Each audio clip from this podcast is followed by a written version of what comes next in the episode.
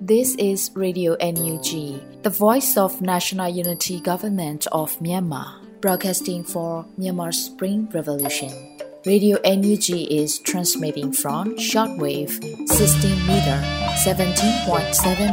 MHz at 8:30 a.m. and 25 meter 11.94 MHz at 8:30 p.m. Myanmar Standard Time. မင်္ဂလာပါရှင်။ မြို့သားညီညွတ်ရေးအစိုးရရဲ့အတန်လွင့်ဌာန Radio NUG ကိုမနက်ပိုင်း၈နာရီခွဲမှာလိုင်းတူ16မီတာ19.89 MHz ညပိုင်း၈နာရီခွဲမှာလိုင်းတူ25မီတာ17.6 MHz တို့မှာဓာတ်ရိုက်ဖမ်းယူနိုင်စေနိုင်ပါရှင်။မင်္ဂလာအပေါင်းနဲ့ပြည့်စုံကြပါစေ။အခုချိန်ကစပြီး Radio NUG အစီအစဉ်လေးကိုဓာတ်ရိုက်အတန်လွှင့်ပေးနေပါပြီရှင်။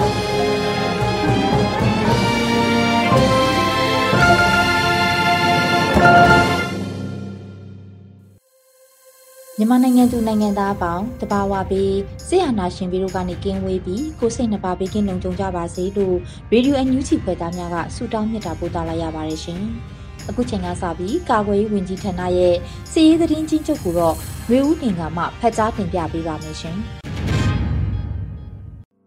ကာကွယ်ဝင်ကြီးဌာနအမျိုးသားညီညွတ်ရေးဆိုရမှာဩဂတ်စ်လ20ရက်နေ့2022ခုနှစ်ထုတ်ဝေတဲ့စစ်ရေးသတင်းချင်းချုပ်ကိုတင်ဆက်ပေးတော့မှာဖြစ်ပါတယ်။ စစ်ကောင်စီတပ်သား9ဦးကြာဆုံးခဲ့ပြီး2ဦးထိခိုက်ဒဏ်ရာရရှိခဲ့ကြောင်းသတင်းရရှိပါရခင်ဗျာစစ်ကောင်စီနဲ့တိုက်ပွဲဖြစ်ပွားမှုသတင်းတွေကိုတင်ဆက်ပေးကြပါမယ်ချင်းပြည်နယ်မှာဩဂတ်စ်လ20ရက်နေ့နေ့လယ်4:30မိနစ်အချိန်ခန့်ကဟာခါမြို့နယ်ဟာခါမြို့အနီးမှာစစ်ကောင်စီတပ်နဲ့ CDF ပူးပေါင်းဖွဲ့တို့တိုက်ပွဲပြင်းထန်ခဲ့ကြောင်းသတင်းရရှိပါရခင်ဗျာ။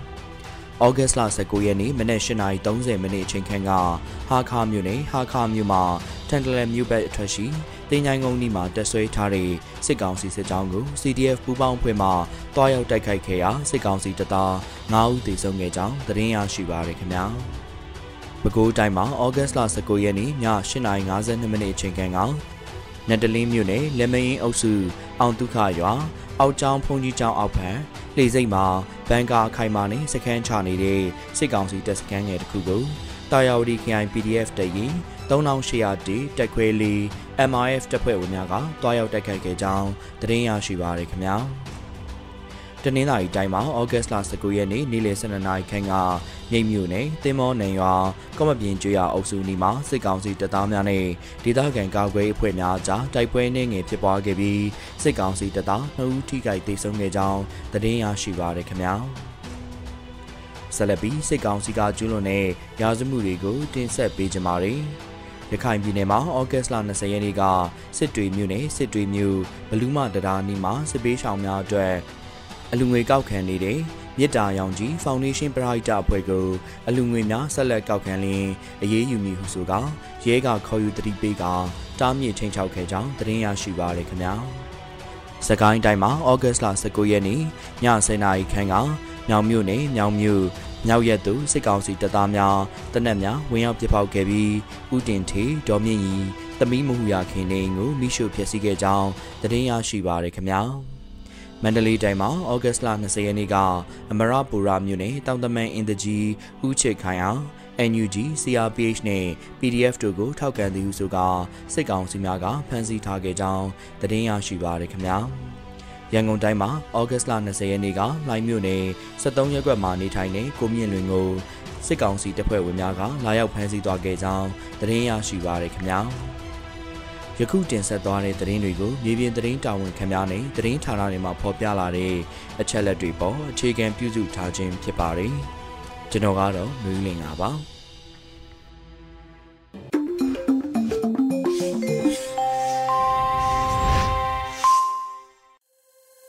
ရေဒီယိုအန်ယူဂျီမှာဆက်လက်တင်ပြနေပါတယ်။အခုဆက်လက်ပြီးနောက်ဆုံးရသတင်းများကိုရေဦးမောင်မှဖတ်ကြားတင်ပြပေးပါတော့မယ်ရှင်။မင်္ဂလာပါခင်ဗျာယခုချိန်ကစပြီး Radio NUG မနက်ခင်းပြည်တွင်သတင်းများကိုဖတ်ကြားတင်ပြပေးပါတော့မယ်ယခုတင်ပြပေးမယ့်သတင်းတွေကတော့ Radio NUG သတင်းတာဝန်ခံတွေနဲ့ခိုင်လုံသောမိဖက်သတင်းရင်းမြစ်တွေမှာအခြေခံထားတာဖြစ်ပါတယ်ကျွန်တော်ကတော့ຫນွေဦးမှာပါခင်ဗျာ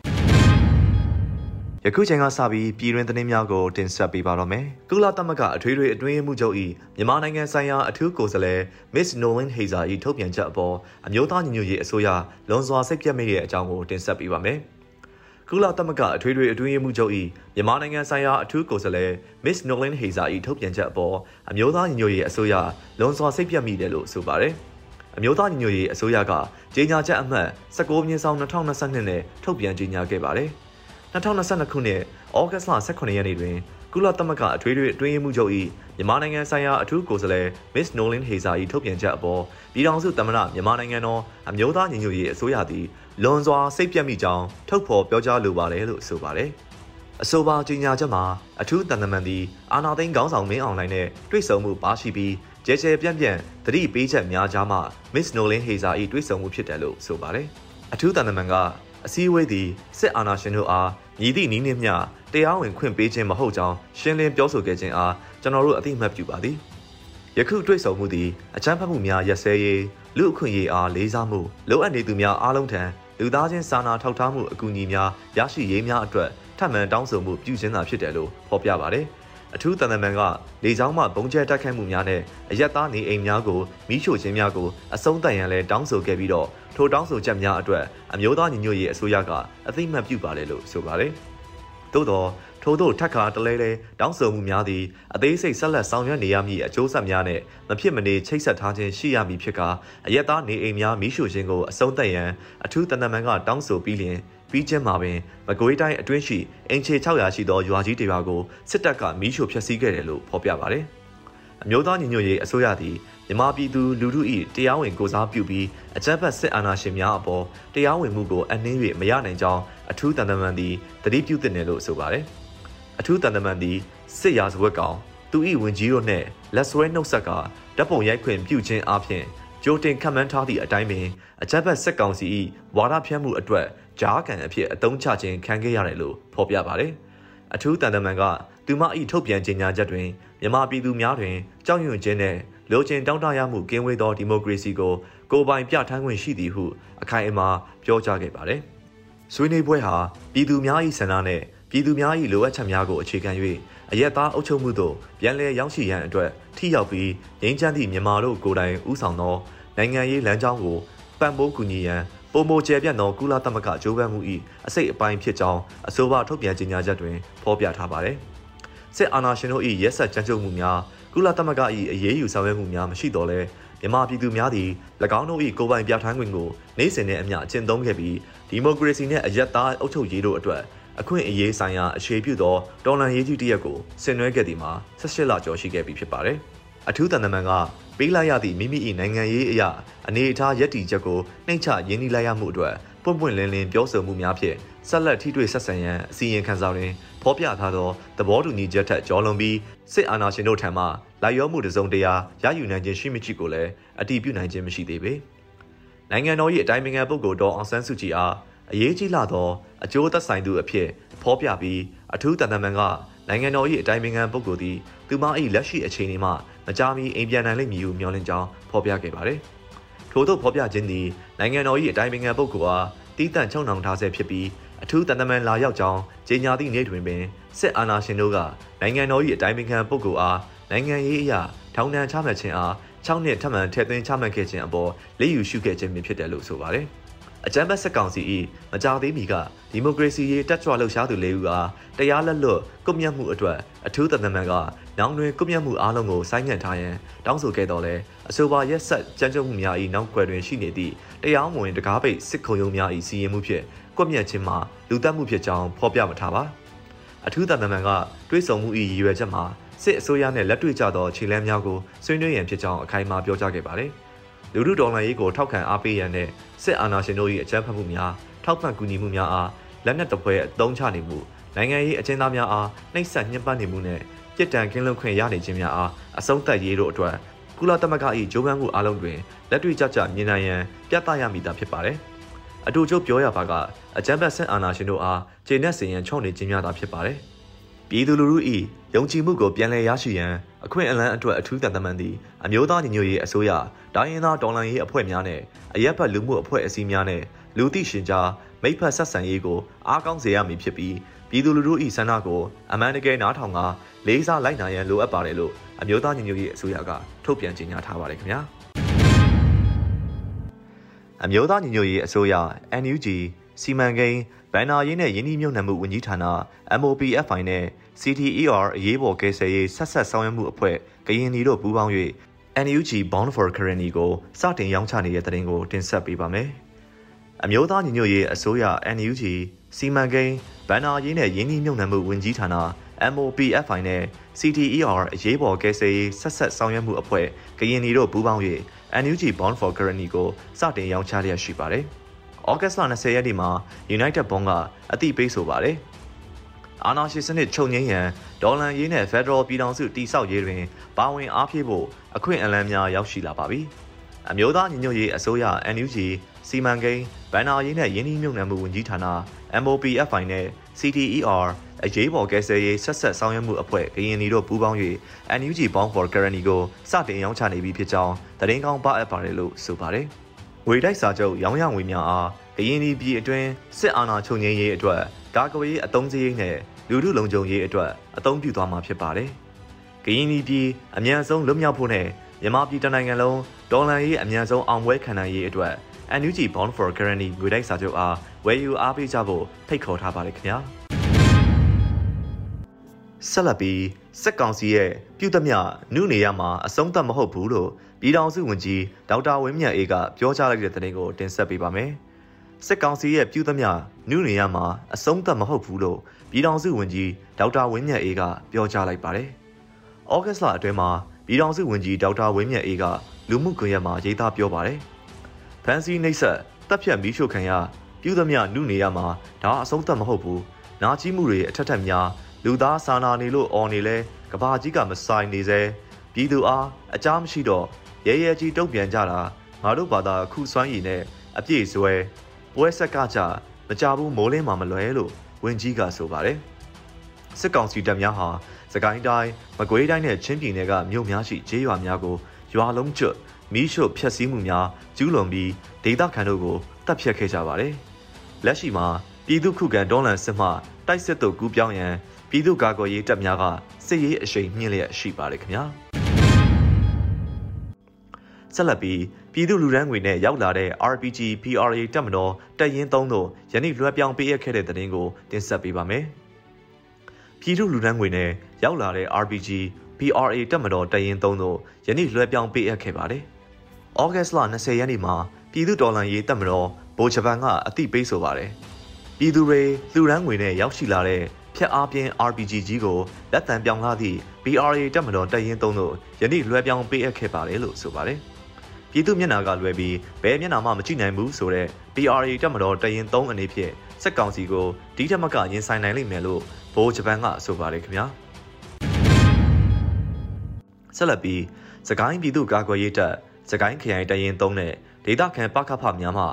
အကြမ်းဖက်စစ်ကောင်တပ်သားများအားအရှင်ဖမ်းဆီးရမိခဲ့တဲ့တဲ့တင်ကိုတင်ဆက်ပေးပါမယ်။စကိုင်းပြည်သူ့ကာကွယ်ရေးတပ်စကိုင်းခရိုင်တရင်3နဲ့ဒေသခံပကဖများမှအကြမ်းဖက်စစ်ကောင်တပ်သားများအားအရှင်ဖမ်းဆီးရမိတယ်လို့ဆိုပါတယ်။ဩဂတ်စ်လ20ရက်နေ့မှာစကိုင်းပြည်သူ့ကာကွယ်ရေးတပ်စကိုင်းခရိုင်တိုင်းရင်3ကအတီးပြုဆိုပါတယ်။စကိုင်းပြည်သူ့ကာကွယ်ရေးတပ်စကိုင်းခရိုင်ရင်3ဤလှုပ်ရှားဒေသတစ်ခုတွင်အကြမ်းဖက်စစ်ကောင်စီစစ်ကြောင်းမှ စစ်ကောင်စီတပ်သားအချို့ကိုဒေသခံပကဖများနဲ့အတူဖမ်းဆီးရရှိခဲ့ပါတယ်လို့ဆိုပါတယ်။အဆိုပါဖမ်းဆီးရမိသောစစ်ကောင်စီတပ်သားများအားဘေးကင်းရာသို့ပို့ဆောင်ခဲ့ပြီး၎င်းတို့ကျူးလွန်ခဲ့သောလူအခွင့်အရေးချိုးဖောက်မှုများအားမှတ်တမ်းတင်ထိမ့်သိမ်းထားနိုင်ခဲ့တယ်လို့သတင်းရရှိပါတယ်။အသေးစိတ်အချက်အလက်များကိုတော့နယ်မြေလုံခြုံရေးအခြေအနေအရဖော်ပြနိုင်ခြင်းမရှိသေးဘူးလို့ဆိုထားပါတယ်ခင်ဗျာ။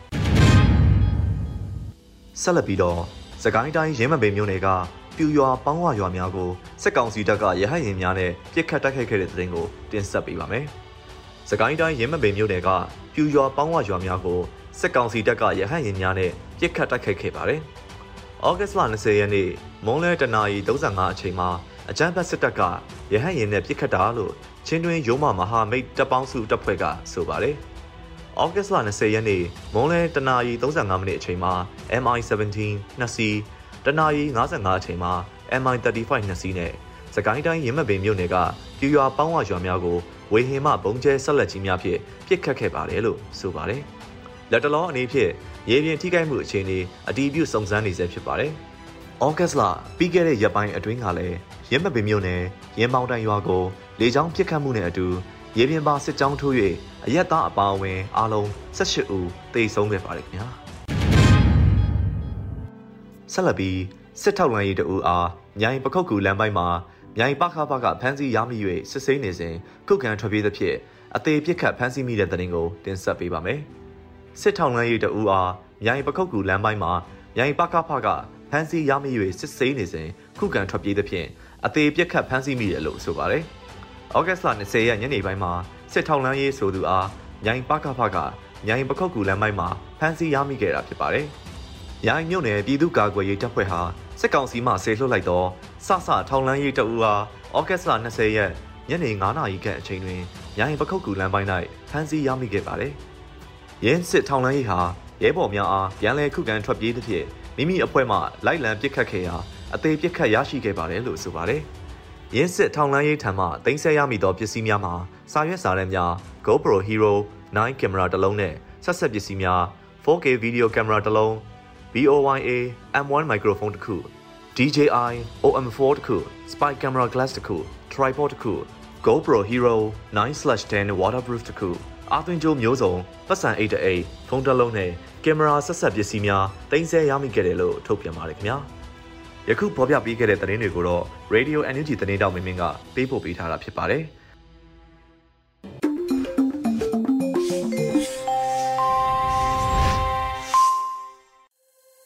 ရေဒီယိုအန်ယူဂျီပရိသတ်တွေအတွက်ကူးဆက်လက်ပြီးထုတ်လွှင့်ပေးမှာကတော့ပြည်သူခုခံစစ်တည်င်းများဖြစ်ပါတယ်။ကျော်နေဦးမှဖက်ကြားတင်ပြပေးပါရမရှင်။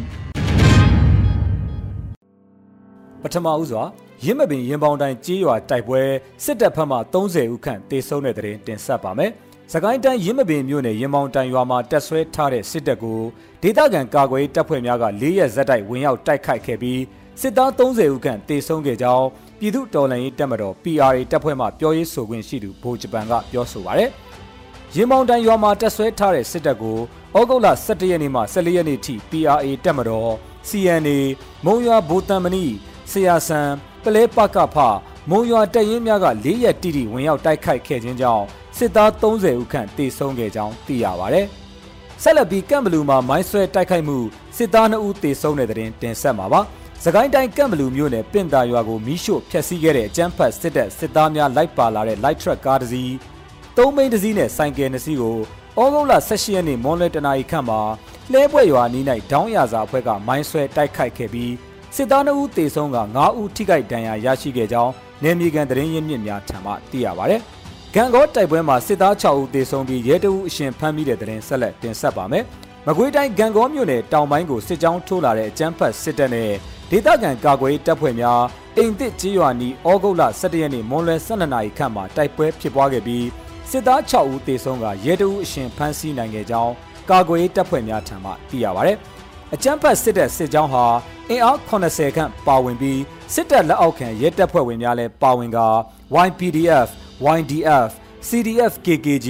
နဂါးညီနောင်အဖွဲ့1ပကဖနဲ့ဂန်ကော PDF အဖွဲ့တို့ကကြားဖြတ်တိုက်ခိုက်ခဲ့ခြင်းဖြစ်ပြီး တိုက်ပွဲဖြစ်ပွားခြင်းဟာ2နာရီခန့်ကြာမြင့်ခဲ့ကတိုက်ပွဲအတွင်းရှေ့ပြေးကင်းထောက်အဖြစ်တက်လာတဲ့စစ်သားများခြုံခိုတိုက်ခိုက်ခံရပြီး6ဦးသေဆုံးခဲ့ကြောင်းသိရပါတယ်။အဆိုပါထိတွေ့တိုက်ပွဲဖြစ်ပွားပြီးတဲ့နောက်အကြမ်းဖက်စစ်တပ်စစ်ကြောင်းတွင်လိုက်ပါလာတဲ့ရဲတအုပ်ဟာလက်နက်ခဲယမ်းများနဲ့အတူထွက်ပြေးလာစဉ်မဟာမိတ်ပူးပေါင်းအဖွဲ့ကအရှင်ဖမ်းဆီးနိုင်ခဲ့ပြီးကောင်းမွန်စွာထိမ့်သိမ်းထားကစစ်ဆေးမေးမြန်းမှုများပြုလုပ်လျက်ရှိကြောင်းသိရပါဗျ။နောက်ဆုံးအနေနဲ့ထီးကြိုင်တိုက်ပွဲမှာစစ်သား2ဦးသေဆုံးတဲ့တဲ့တင်တင်ဆက်မှာပါ။ ဩဂုတ်လ19ရက်နေ့နနက်ပိုင်းစကိုင်းတိုင်းထီးကြိုင်မြို့နယ်ဘက်မှအင်းတော်ဘက်သို့တက်လာတဲ့အင်အား60ကျော်ပါစစ်ကောင်စီတပ်ကိုထီးကြိုင်နဲ့အင်းတော်ကြားစင်မတောင်ဘက်မှာကချင်လွတ်လပ်ရေးတပ်မတော် KIA နဲ့ဒေသခံပြည်သူ့ကာကွယ်ရေးတပ် PDF ပူးပေါင်းက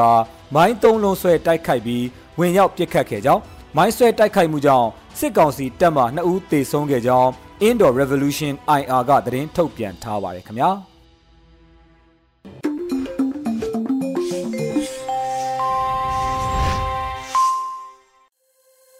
ရေဒီယိုအန်ယူဂျီမှာဆက်လက်တင်ပြနေပါတယ်။အခုတခါ PPTV ရဲ့နေ့စဉ်သတင်းများကိုထက်ထက်အင်ဒရာအောင်မှဖတ်ကြားတင်ပြပေးပါရမရှင်။အခုချိန်ကစပြီး PPTV သတင်းတွေကိုတင်ဆက်ပေးတော့မှာပါ။ကျမထထအင်ဒရာအောင်ပါ ပထမဆုံးတင်ဆက်ပေးမှာကတော့တောင်းဆိုချက်တွေလက်မခံသေးတဲ့အတွက်အိုးဖို့အကျဉ်းထောင်မှာနိုင်ငံရေးအကျဉ်းသားတွေအစာငတ်ခံဆန္ဒပြတာဆက်လုပ်မယ်ဆိုတဲ့သတင်းမှာရှစ်လေးလုံးနှစ်ပတ်လည်နေ့ကစတင်ပြီးတော့တောင်းဆိုချက်၃ချက်ကိုတောင်းဆိုပြီးအိုးဖို့အကျဉ်းထောင်ထဲမှာအစာငတ်ခံဆန္ဒပြနေတဲ့နိုင်ငံရေးအကျဉ်းသားတွေတောင်းဆိုချက်တွေကိုလက်မခံသေးတဲ့အတွက်အစာငတ်ခံဆန္ဒပြနေစေဖြစ်ပါတယ်။ရှစ်ရက်ရှစ်လ2022မှာကြပြရွတ်တဲ့ Hunger Strike လုပ်တဲ့မန္တလေးအိုးဝထောင်တွင်ကနိုင်ငံရေးအကျဉ်းသားတွေရဲ့လှုပ်ရှားမှုကိုသတင်းဖြစ်စေခြင်းနဲ့ဆိုပြီးတော့နိုင်ငံရေးအကျဉ်းသားတွေကဆက်သွယ်ပြောကြားခဲ့ပါတယ်။ဒါ့အပြင်အစာငတ်ခံဆန္ဒပြမှုကို9ယောက်စီပြုလုပ်နေတာဖြစ်ပြီးတော့နောက်ထပ်ချိတ်ဆက်မဲ့သူတွေရှိသလိုအပတ်တိုင်းမှာစည်ရင်ပေးပြီးတော့အစာငတ်ခံဆန္ဒပြတာကိုပူပေါင်းမဲ့အင်အားစုတွေရှိနေတယ်ဆိုပြီးတော့လည်းအသိပေးလာပါတယ်။အိုးဝအကျဉ်းထောင်တွင်ကနိုင်ငံရေးအကျဉ်းသားတွေရဲ့တောင်းဆိုချက်တွေကတော့တည်တံ့စီရင်တာကိုရပ်တန့်ဖို့တက်တည်မခိုင်လုံပဲဖမ်းထားတဲ့နိုင်ငံရေးအကျဉ်းသားတွေကိုပြန်လွှတ်ပေးဖို့နဲ့နိုင်ငံရေးအကျဉ်းသားတွေကိုအပြည့်ရုံထွက်ခွင့်ပြန်ပေးဖို့အစရှိတဲ့အချက်တွေဖြစ်ပါတယ်။ဒီအချက်တွေကိုအဓိကထားပြီးတော့ဆန္ဒပြတာကအကျဉ်းဦးစီးကိုဖြစ်တဲ့ဆိုပြီးတော့လဲနိုင်ငံရေးအကျဉ်းသားတွေကရှင်းရှင်းလင်းလင်းပြောကြားထားပါတယ်။ဒါအပြင်အိုးဖို့အကျဉ်းထောင်တွေကနိုင်ချင်းရဲ့သတင်းပေးပို့ချက်အရစစ်ကြောရေးမှာနှိပ်စက်တာစစ်ဆေးရေးနဲ့တပ်ဖြတ်လိုက်တာနှိပ်စက်တဲ့ဒဏ်ကိုမခံနိုင်တဲ့အတွက်အဆုံးစီရင်မှုပြုလုပ်နေတာတွေဖြစ်တယ်လို့ဆိုထားပါတယ်။အိုးတောင်နှစ်ဆိုင်6ခန်းတကြီးအခန်းလူကြီးမောင်တူးဆိုတဲ့သူကလည်းနိုင်ချင်းတွေစီပတ်စံတောင်းတာတွေပြုလုပ်နေတယ်ဆိုပြီးတော့ပြောကြားထားပါသေးတယ်။ဆလတ်တင်ဆက်ပေးမှာကတော့အကျန်းဖတ်စစ်တပ်နဲ့ဆက်နွယ်နေတဲ့ Lotte Hotel မှာ မြန်မာနိုင်ငံဆိုင်ရာနော်ဝေးတန်ယုံက American Dollar 3သိန်းခွဲအထိတုံးဆွဲထားတယ်ဆိုတဲ့သတင်းမှာမြန်မာနိုင်ငံဆိုင်ရာနော်ဝေးတန်ယုံကအာဏာသိမ်းမှုဖြစ်ပွားပြီးနောက်ပိုင်းမှာ American Dollar 3သိန်းခွဲအထိတုံးဆွဲထားတယ်လို့ Justice for Myanmar ကဖော်ပြလိုက်ပါတယ်။ Justice for Myanmar ရဲ့ဖော်ပြချက်မှာတော့နော်ဝေးတန်ယုံကတစ်လမှာ American Dollar 4000ကနေပြီးတော့6300ဈေးနှုန်းရှိတဲ့အခန်းတွေအတွက်အများစုအသုံးပြုခဲ့တာဖြစ်တယ်လို့ဖော်ပြထားပါတယ်။ Justice for Myanmar ကတော့ Lotte ကစစ်တပ်ရဲ့နိုင်ငံတကာရာဇဝတ်မှုတွေကိုအားပေးကူညီနေတာပါ။အဲဒီဟိုတယ်ကိုနော်ဝေနိုင်ငံကအသုံးပြုနေတာကိုခွင့်လွန်နိုင်ပွဲရကိစ္စမဟုတ်ပါဘူး။ဒီမတိုင်ခင်ကလည်းနော်ဝေနိုင်ငံပိုင် Telenor ကုမ္ပဏီကထိခိုက်နိုင်ပွဲရှိတဲ့ပုံကိုရေးအချက်လက်တွေကိုလူသက်စစ်ကောင်စီစီကိုလွှဲပြောင်းပေးရခဲ့ပြီးတော့နော်ဝေအစိုးရကဒီကိစ္စကိုတာဝန်ယူတာမရှိခဲ့ပါဘူးလို့ပြောကြားထားပါတယ်။ Justice for Myanmar က ဩစတြေးလျတန်ယုံရဲ့အသုံးစရိတ်ကိုဖော်ထုတ်ခဲ့ပြီးမှထွက်ပေါ်လာခဲ့တာပါ။ဩစတြေးလျတန်ယုံကအမေရိကန်ဒေါ်လာ9,2500ထိအသုံးပြုထားပါတယ်။နော်ဝေနိုင်ငံနဲ့ဩစတြေးလျနိုင်ငံတို့အနေနဲ့ Lotte Hotel စစ်တပ်စီးပွားရေးလုပ်ငန်းအလုံးရှိနေတဲ့သူတို့ရဲ့စီးပွားပတ်သက်ဆက်နွယ်မှုတွေအလုံးကိုချက်ချင်းအဆုံးသတ်ဖို့ မြန်မာနိုင်ငံရဲ့တရားဝင်အစိုးရဖြစ်တဲ့အမျိုးသားညီညွတ်ရေးအစိုးရကိုအတိအမှတ်ပြုပံ့ပိုးကူညီဖို့ကျွန်ုပ်တို့တောင်းဆိုပါတယ်လို့ Justice for Myanmar ကပြောကြားထားပါတယ်။ Distributed Denial of Secret ကထုတ်ပြန်ခဲ့တဲ့မြန်မာနိုင်ငံရင်းနှီးမြှုပ်နှံမှုကော်မရှင်မှတ်တမ်းတွေအရ Lotte Hotel ကအကြမ်းဖက်စစ်ထောက်ချုပ်ရုံးစီ မြေငါရန်ကအတွက်နှစ်စဉ်ကြီး American Dollar 1.84တန်ကိုပေးချေရပြီးတော့တပေါင်းနဲ့သွင်းရတဲ့မြေနေရအသုံးပြုမှုအာမခံကြီး American Dollar 73.51တန်ကိုလည်းပေးချေခဲ့ရပါတယ်။မြေနေရငှားရမ်းမှုကာလအများဆုံး290ကုန်ဆုံးတဲ့အခါမှာလဲအကြမ်းဖက်စစ်တပ်ကအဲ့ဒီဟိုတယ်နဲ့အခန်းတွေကိုရယူသွားမှာဖြစ်ပြီးတော့စစ်တပ်ကိုအကျိုးအမြတ်ကြီးမားတဲ့အနာဂတ်ပိုင်ဆိုင်မှုတရက်ပေးအပ်တာဖြစ်တယ်လို့ထောက်ပြထားတာကိုတွေ့ရပါတယ်။ကျေးဇူးတင်ပါတယ်ရှင်။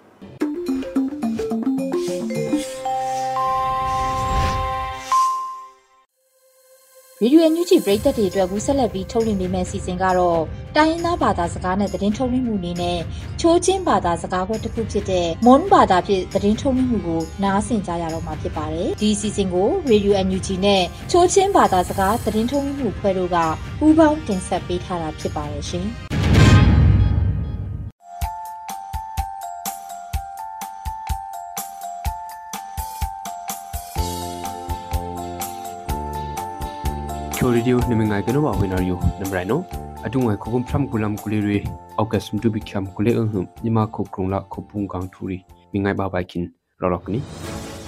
မိငိုင်ဘာယောင်ထူရီလေဂျူညီမခုအင်္ဂရိစီယုံကနောင်ဒုံဂီယာဒေါက်တာဝင်းဆောင်ထန်းချိုခုဝန်ချစ်တုံအကြောက်လောက်ခနာခုချမ်ချာနိုအယာငိုင်နိုဂျေမောင်မိငိုင်ခိုင်နီဒေါက်တာဝင်းဆောင်ထန်းကဘူတော်တက်တဲ့ထင်လို့ခန့်လိုက်တာလားမသိရဘူးလေ ဒီစကားစားတော့ဒီအတိုင်းပဲမလို့ချင်းတော့ကန်ထုံးမယ်လို့ချင်းတော့မင်ဒမန်ရောအခါနုအင်္ဂရိစီကောင်စီနိုခုံမှုထုတ်ခီလောက်ကုံอิมริยุงดุนเนอังชุงลีนาอมกิจิมองพีมิงาไขนี่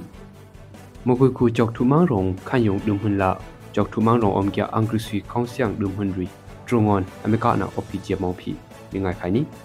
สกันคูเลบรองคุมซุงอังเอดุงอังกฤษข้องสิโนอัมจุนชิดาเดกุพัวมังรีอังลุง ค krigip lek thit akhuda ami muwa mo jutia ang thubyang thuli ju nyama kho ang krisi kongsi tang kano social platform tu mata kya kya facebook ju ahi tu maton am thong na om lo khajia ang krisi kongsi ang bai no apena mo phi atung wa sing kano minga khani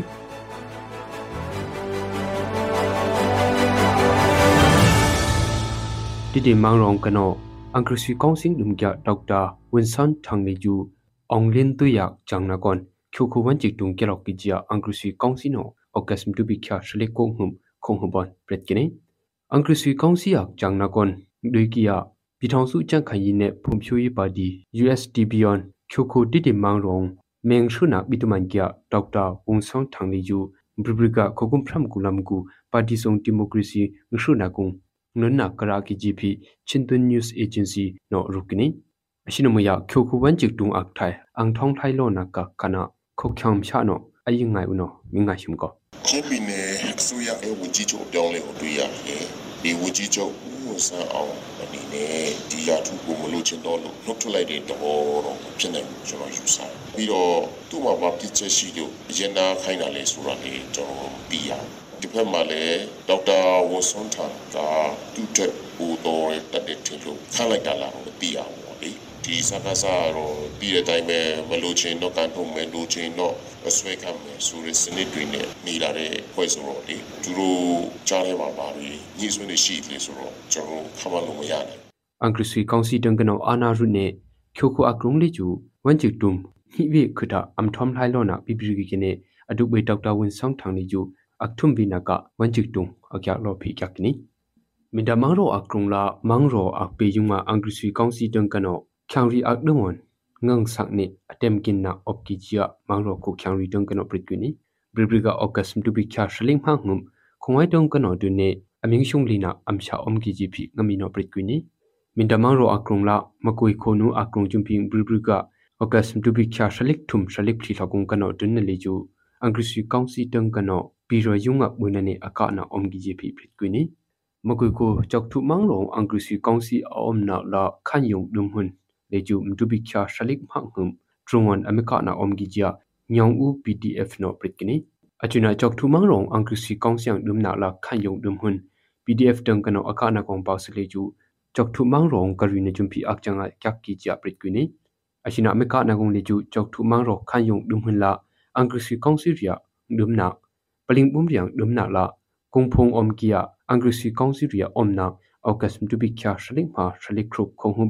ဒုံနာ paling bum riang dum na la kung phung om kia angrisi kongsi ria om na aukas mtu bi kya shalik ma shalik krup khong hu broi khongai tunga mi ka kya ki ji phi prit kwini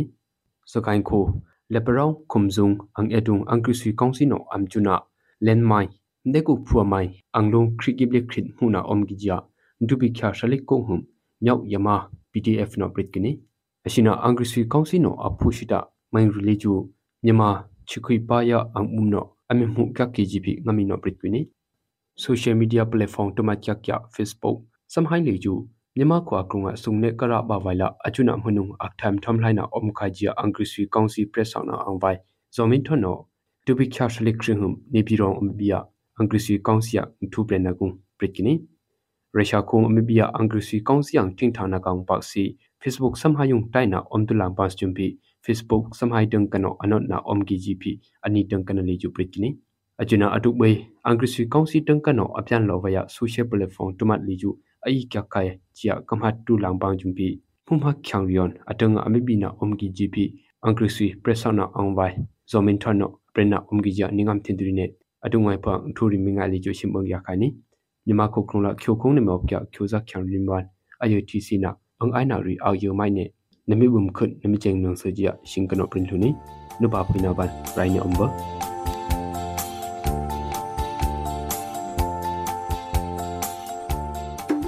ဒီကနေ့ကတော့ဒီညနဲ့ပဲ Radio NUG ရဲ့အစီအစဉ်လေးကိုခਿੱတရနာလိုက်ပါမယ်ရှင်။မြမစံတော်ချိန်မနက်၈နာရီခွဲနဲ့ည၈နာရီခွဲအချိန်တွေမှာပြန်လည်ဆုံတွေ့ကြပါစို့။ Radio NUG ကိုမနက်ပိုင်း၈နာရီခွဲမှာလိုင်းတူ16မီတာ19.8 MHz ညပိုင်း၈နာရီခွဲမှာလိုင်းတူ25မီတာ17.6 MHz တို့မှာဓာတ်ရိုက်ဖမ်းလို့နိုင်စေနိုင်ပါပြီ။ မြန်မာနိုင်ငံသူနိုင်ငံသားတွေကိုစိတ်နှပြကျန်းမာချမ်းသာလို့ဘေးကင်းလုံခြုံကြပါစေလို့ Radio NUG အဖွဲ့သူဖွဲ့သားတွေကဆုတောင်းမြတ်တာပို့တာလိုက်ရပါတယ်ရှင်။မြို့သားညီညွတ်ရေးအစိုးရရဲ့စက်သွေးရေးသတင်းအချက်အလက်နဲ့မြို့ပညာဝန်ကြီးဌာနကထုတ်လွှင့်နေတဲ့ Radio NUG ဖြစ်ပါတယ်။ San Francisco Bay Area အခြေစိုက်မြန်မာမိသားစုတွေနဲ့နိုင်ငံတကာကစေတနာရှင်လို့အားပေးနေတဲ့ Radio NUG ဖြစ်ပါတယ်။အရေးတော်ပုံအောင်ရမည်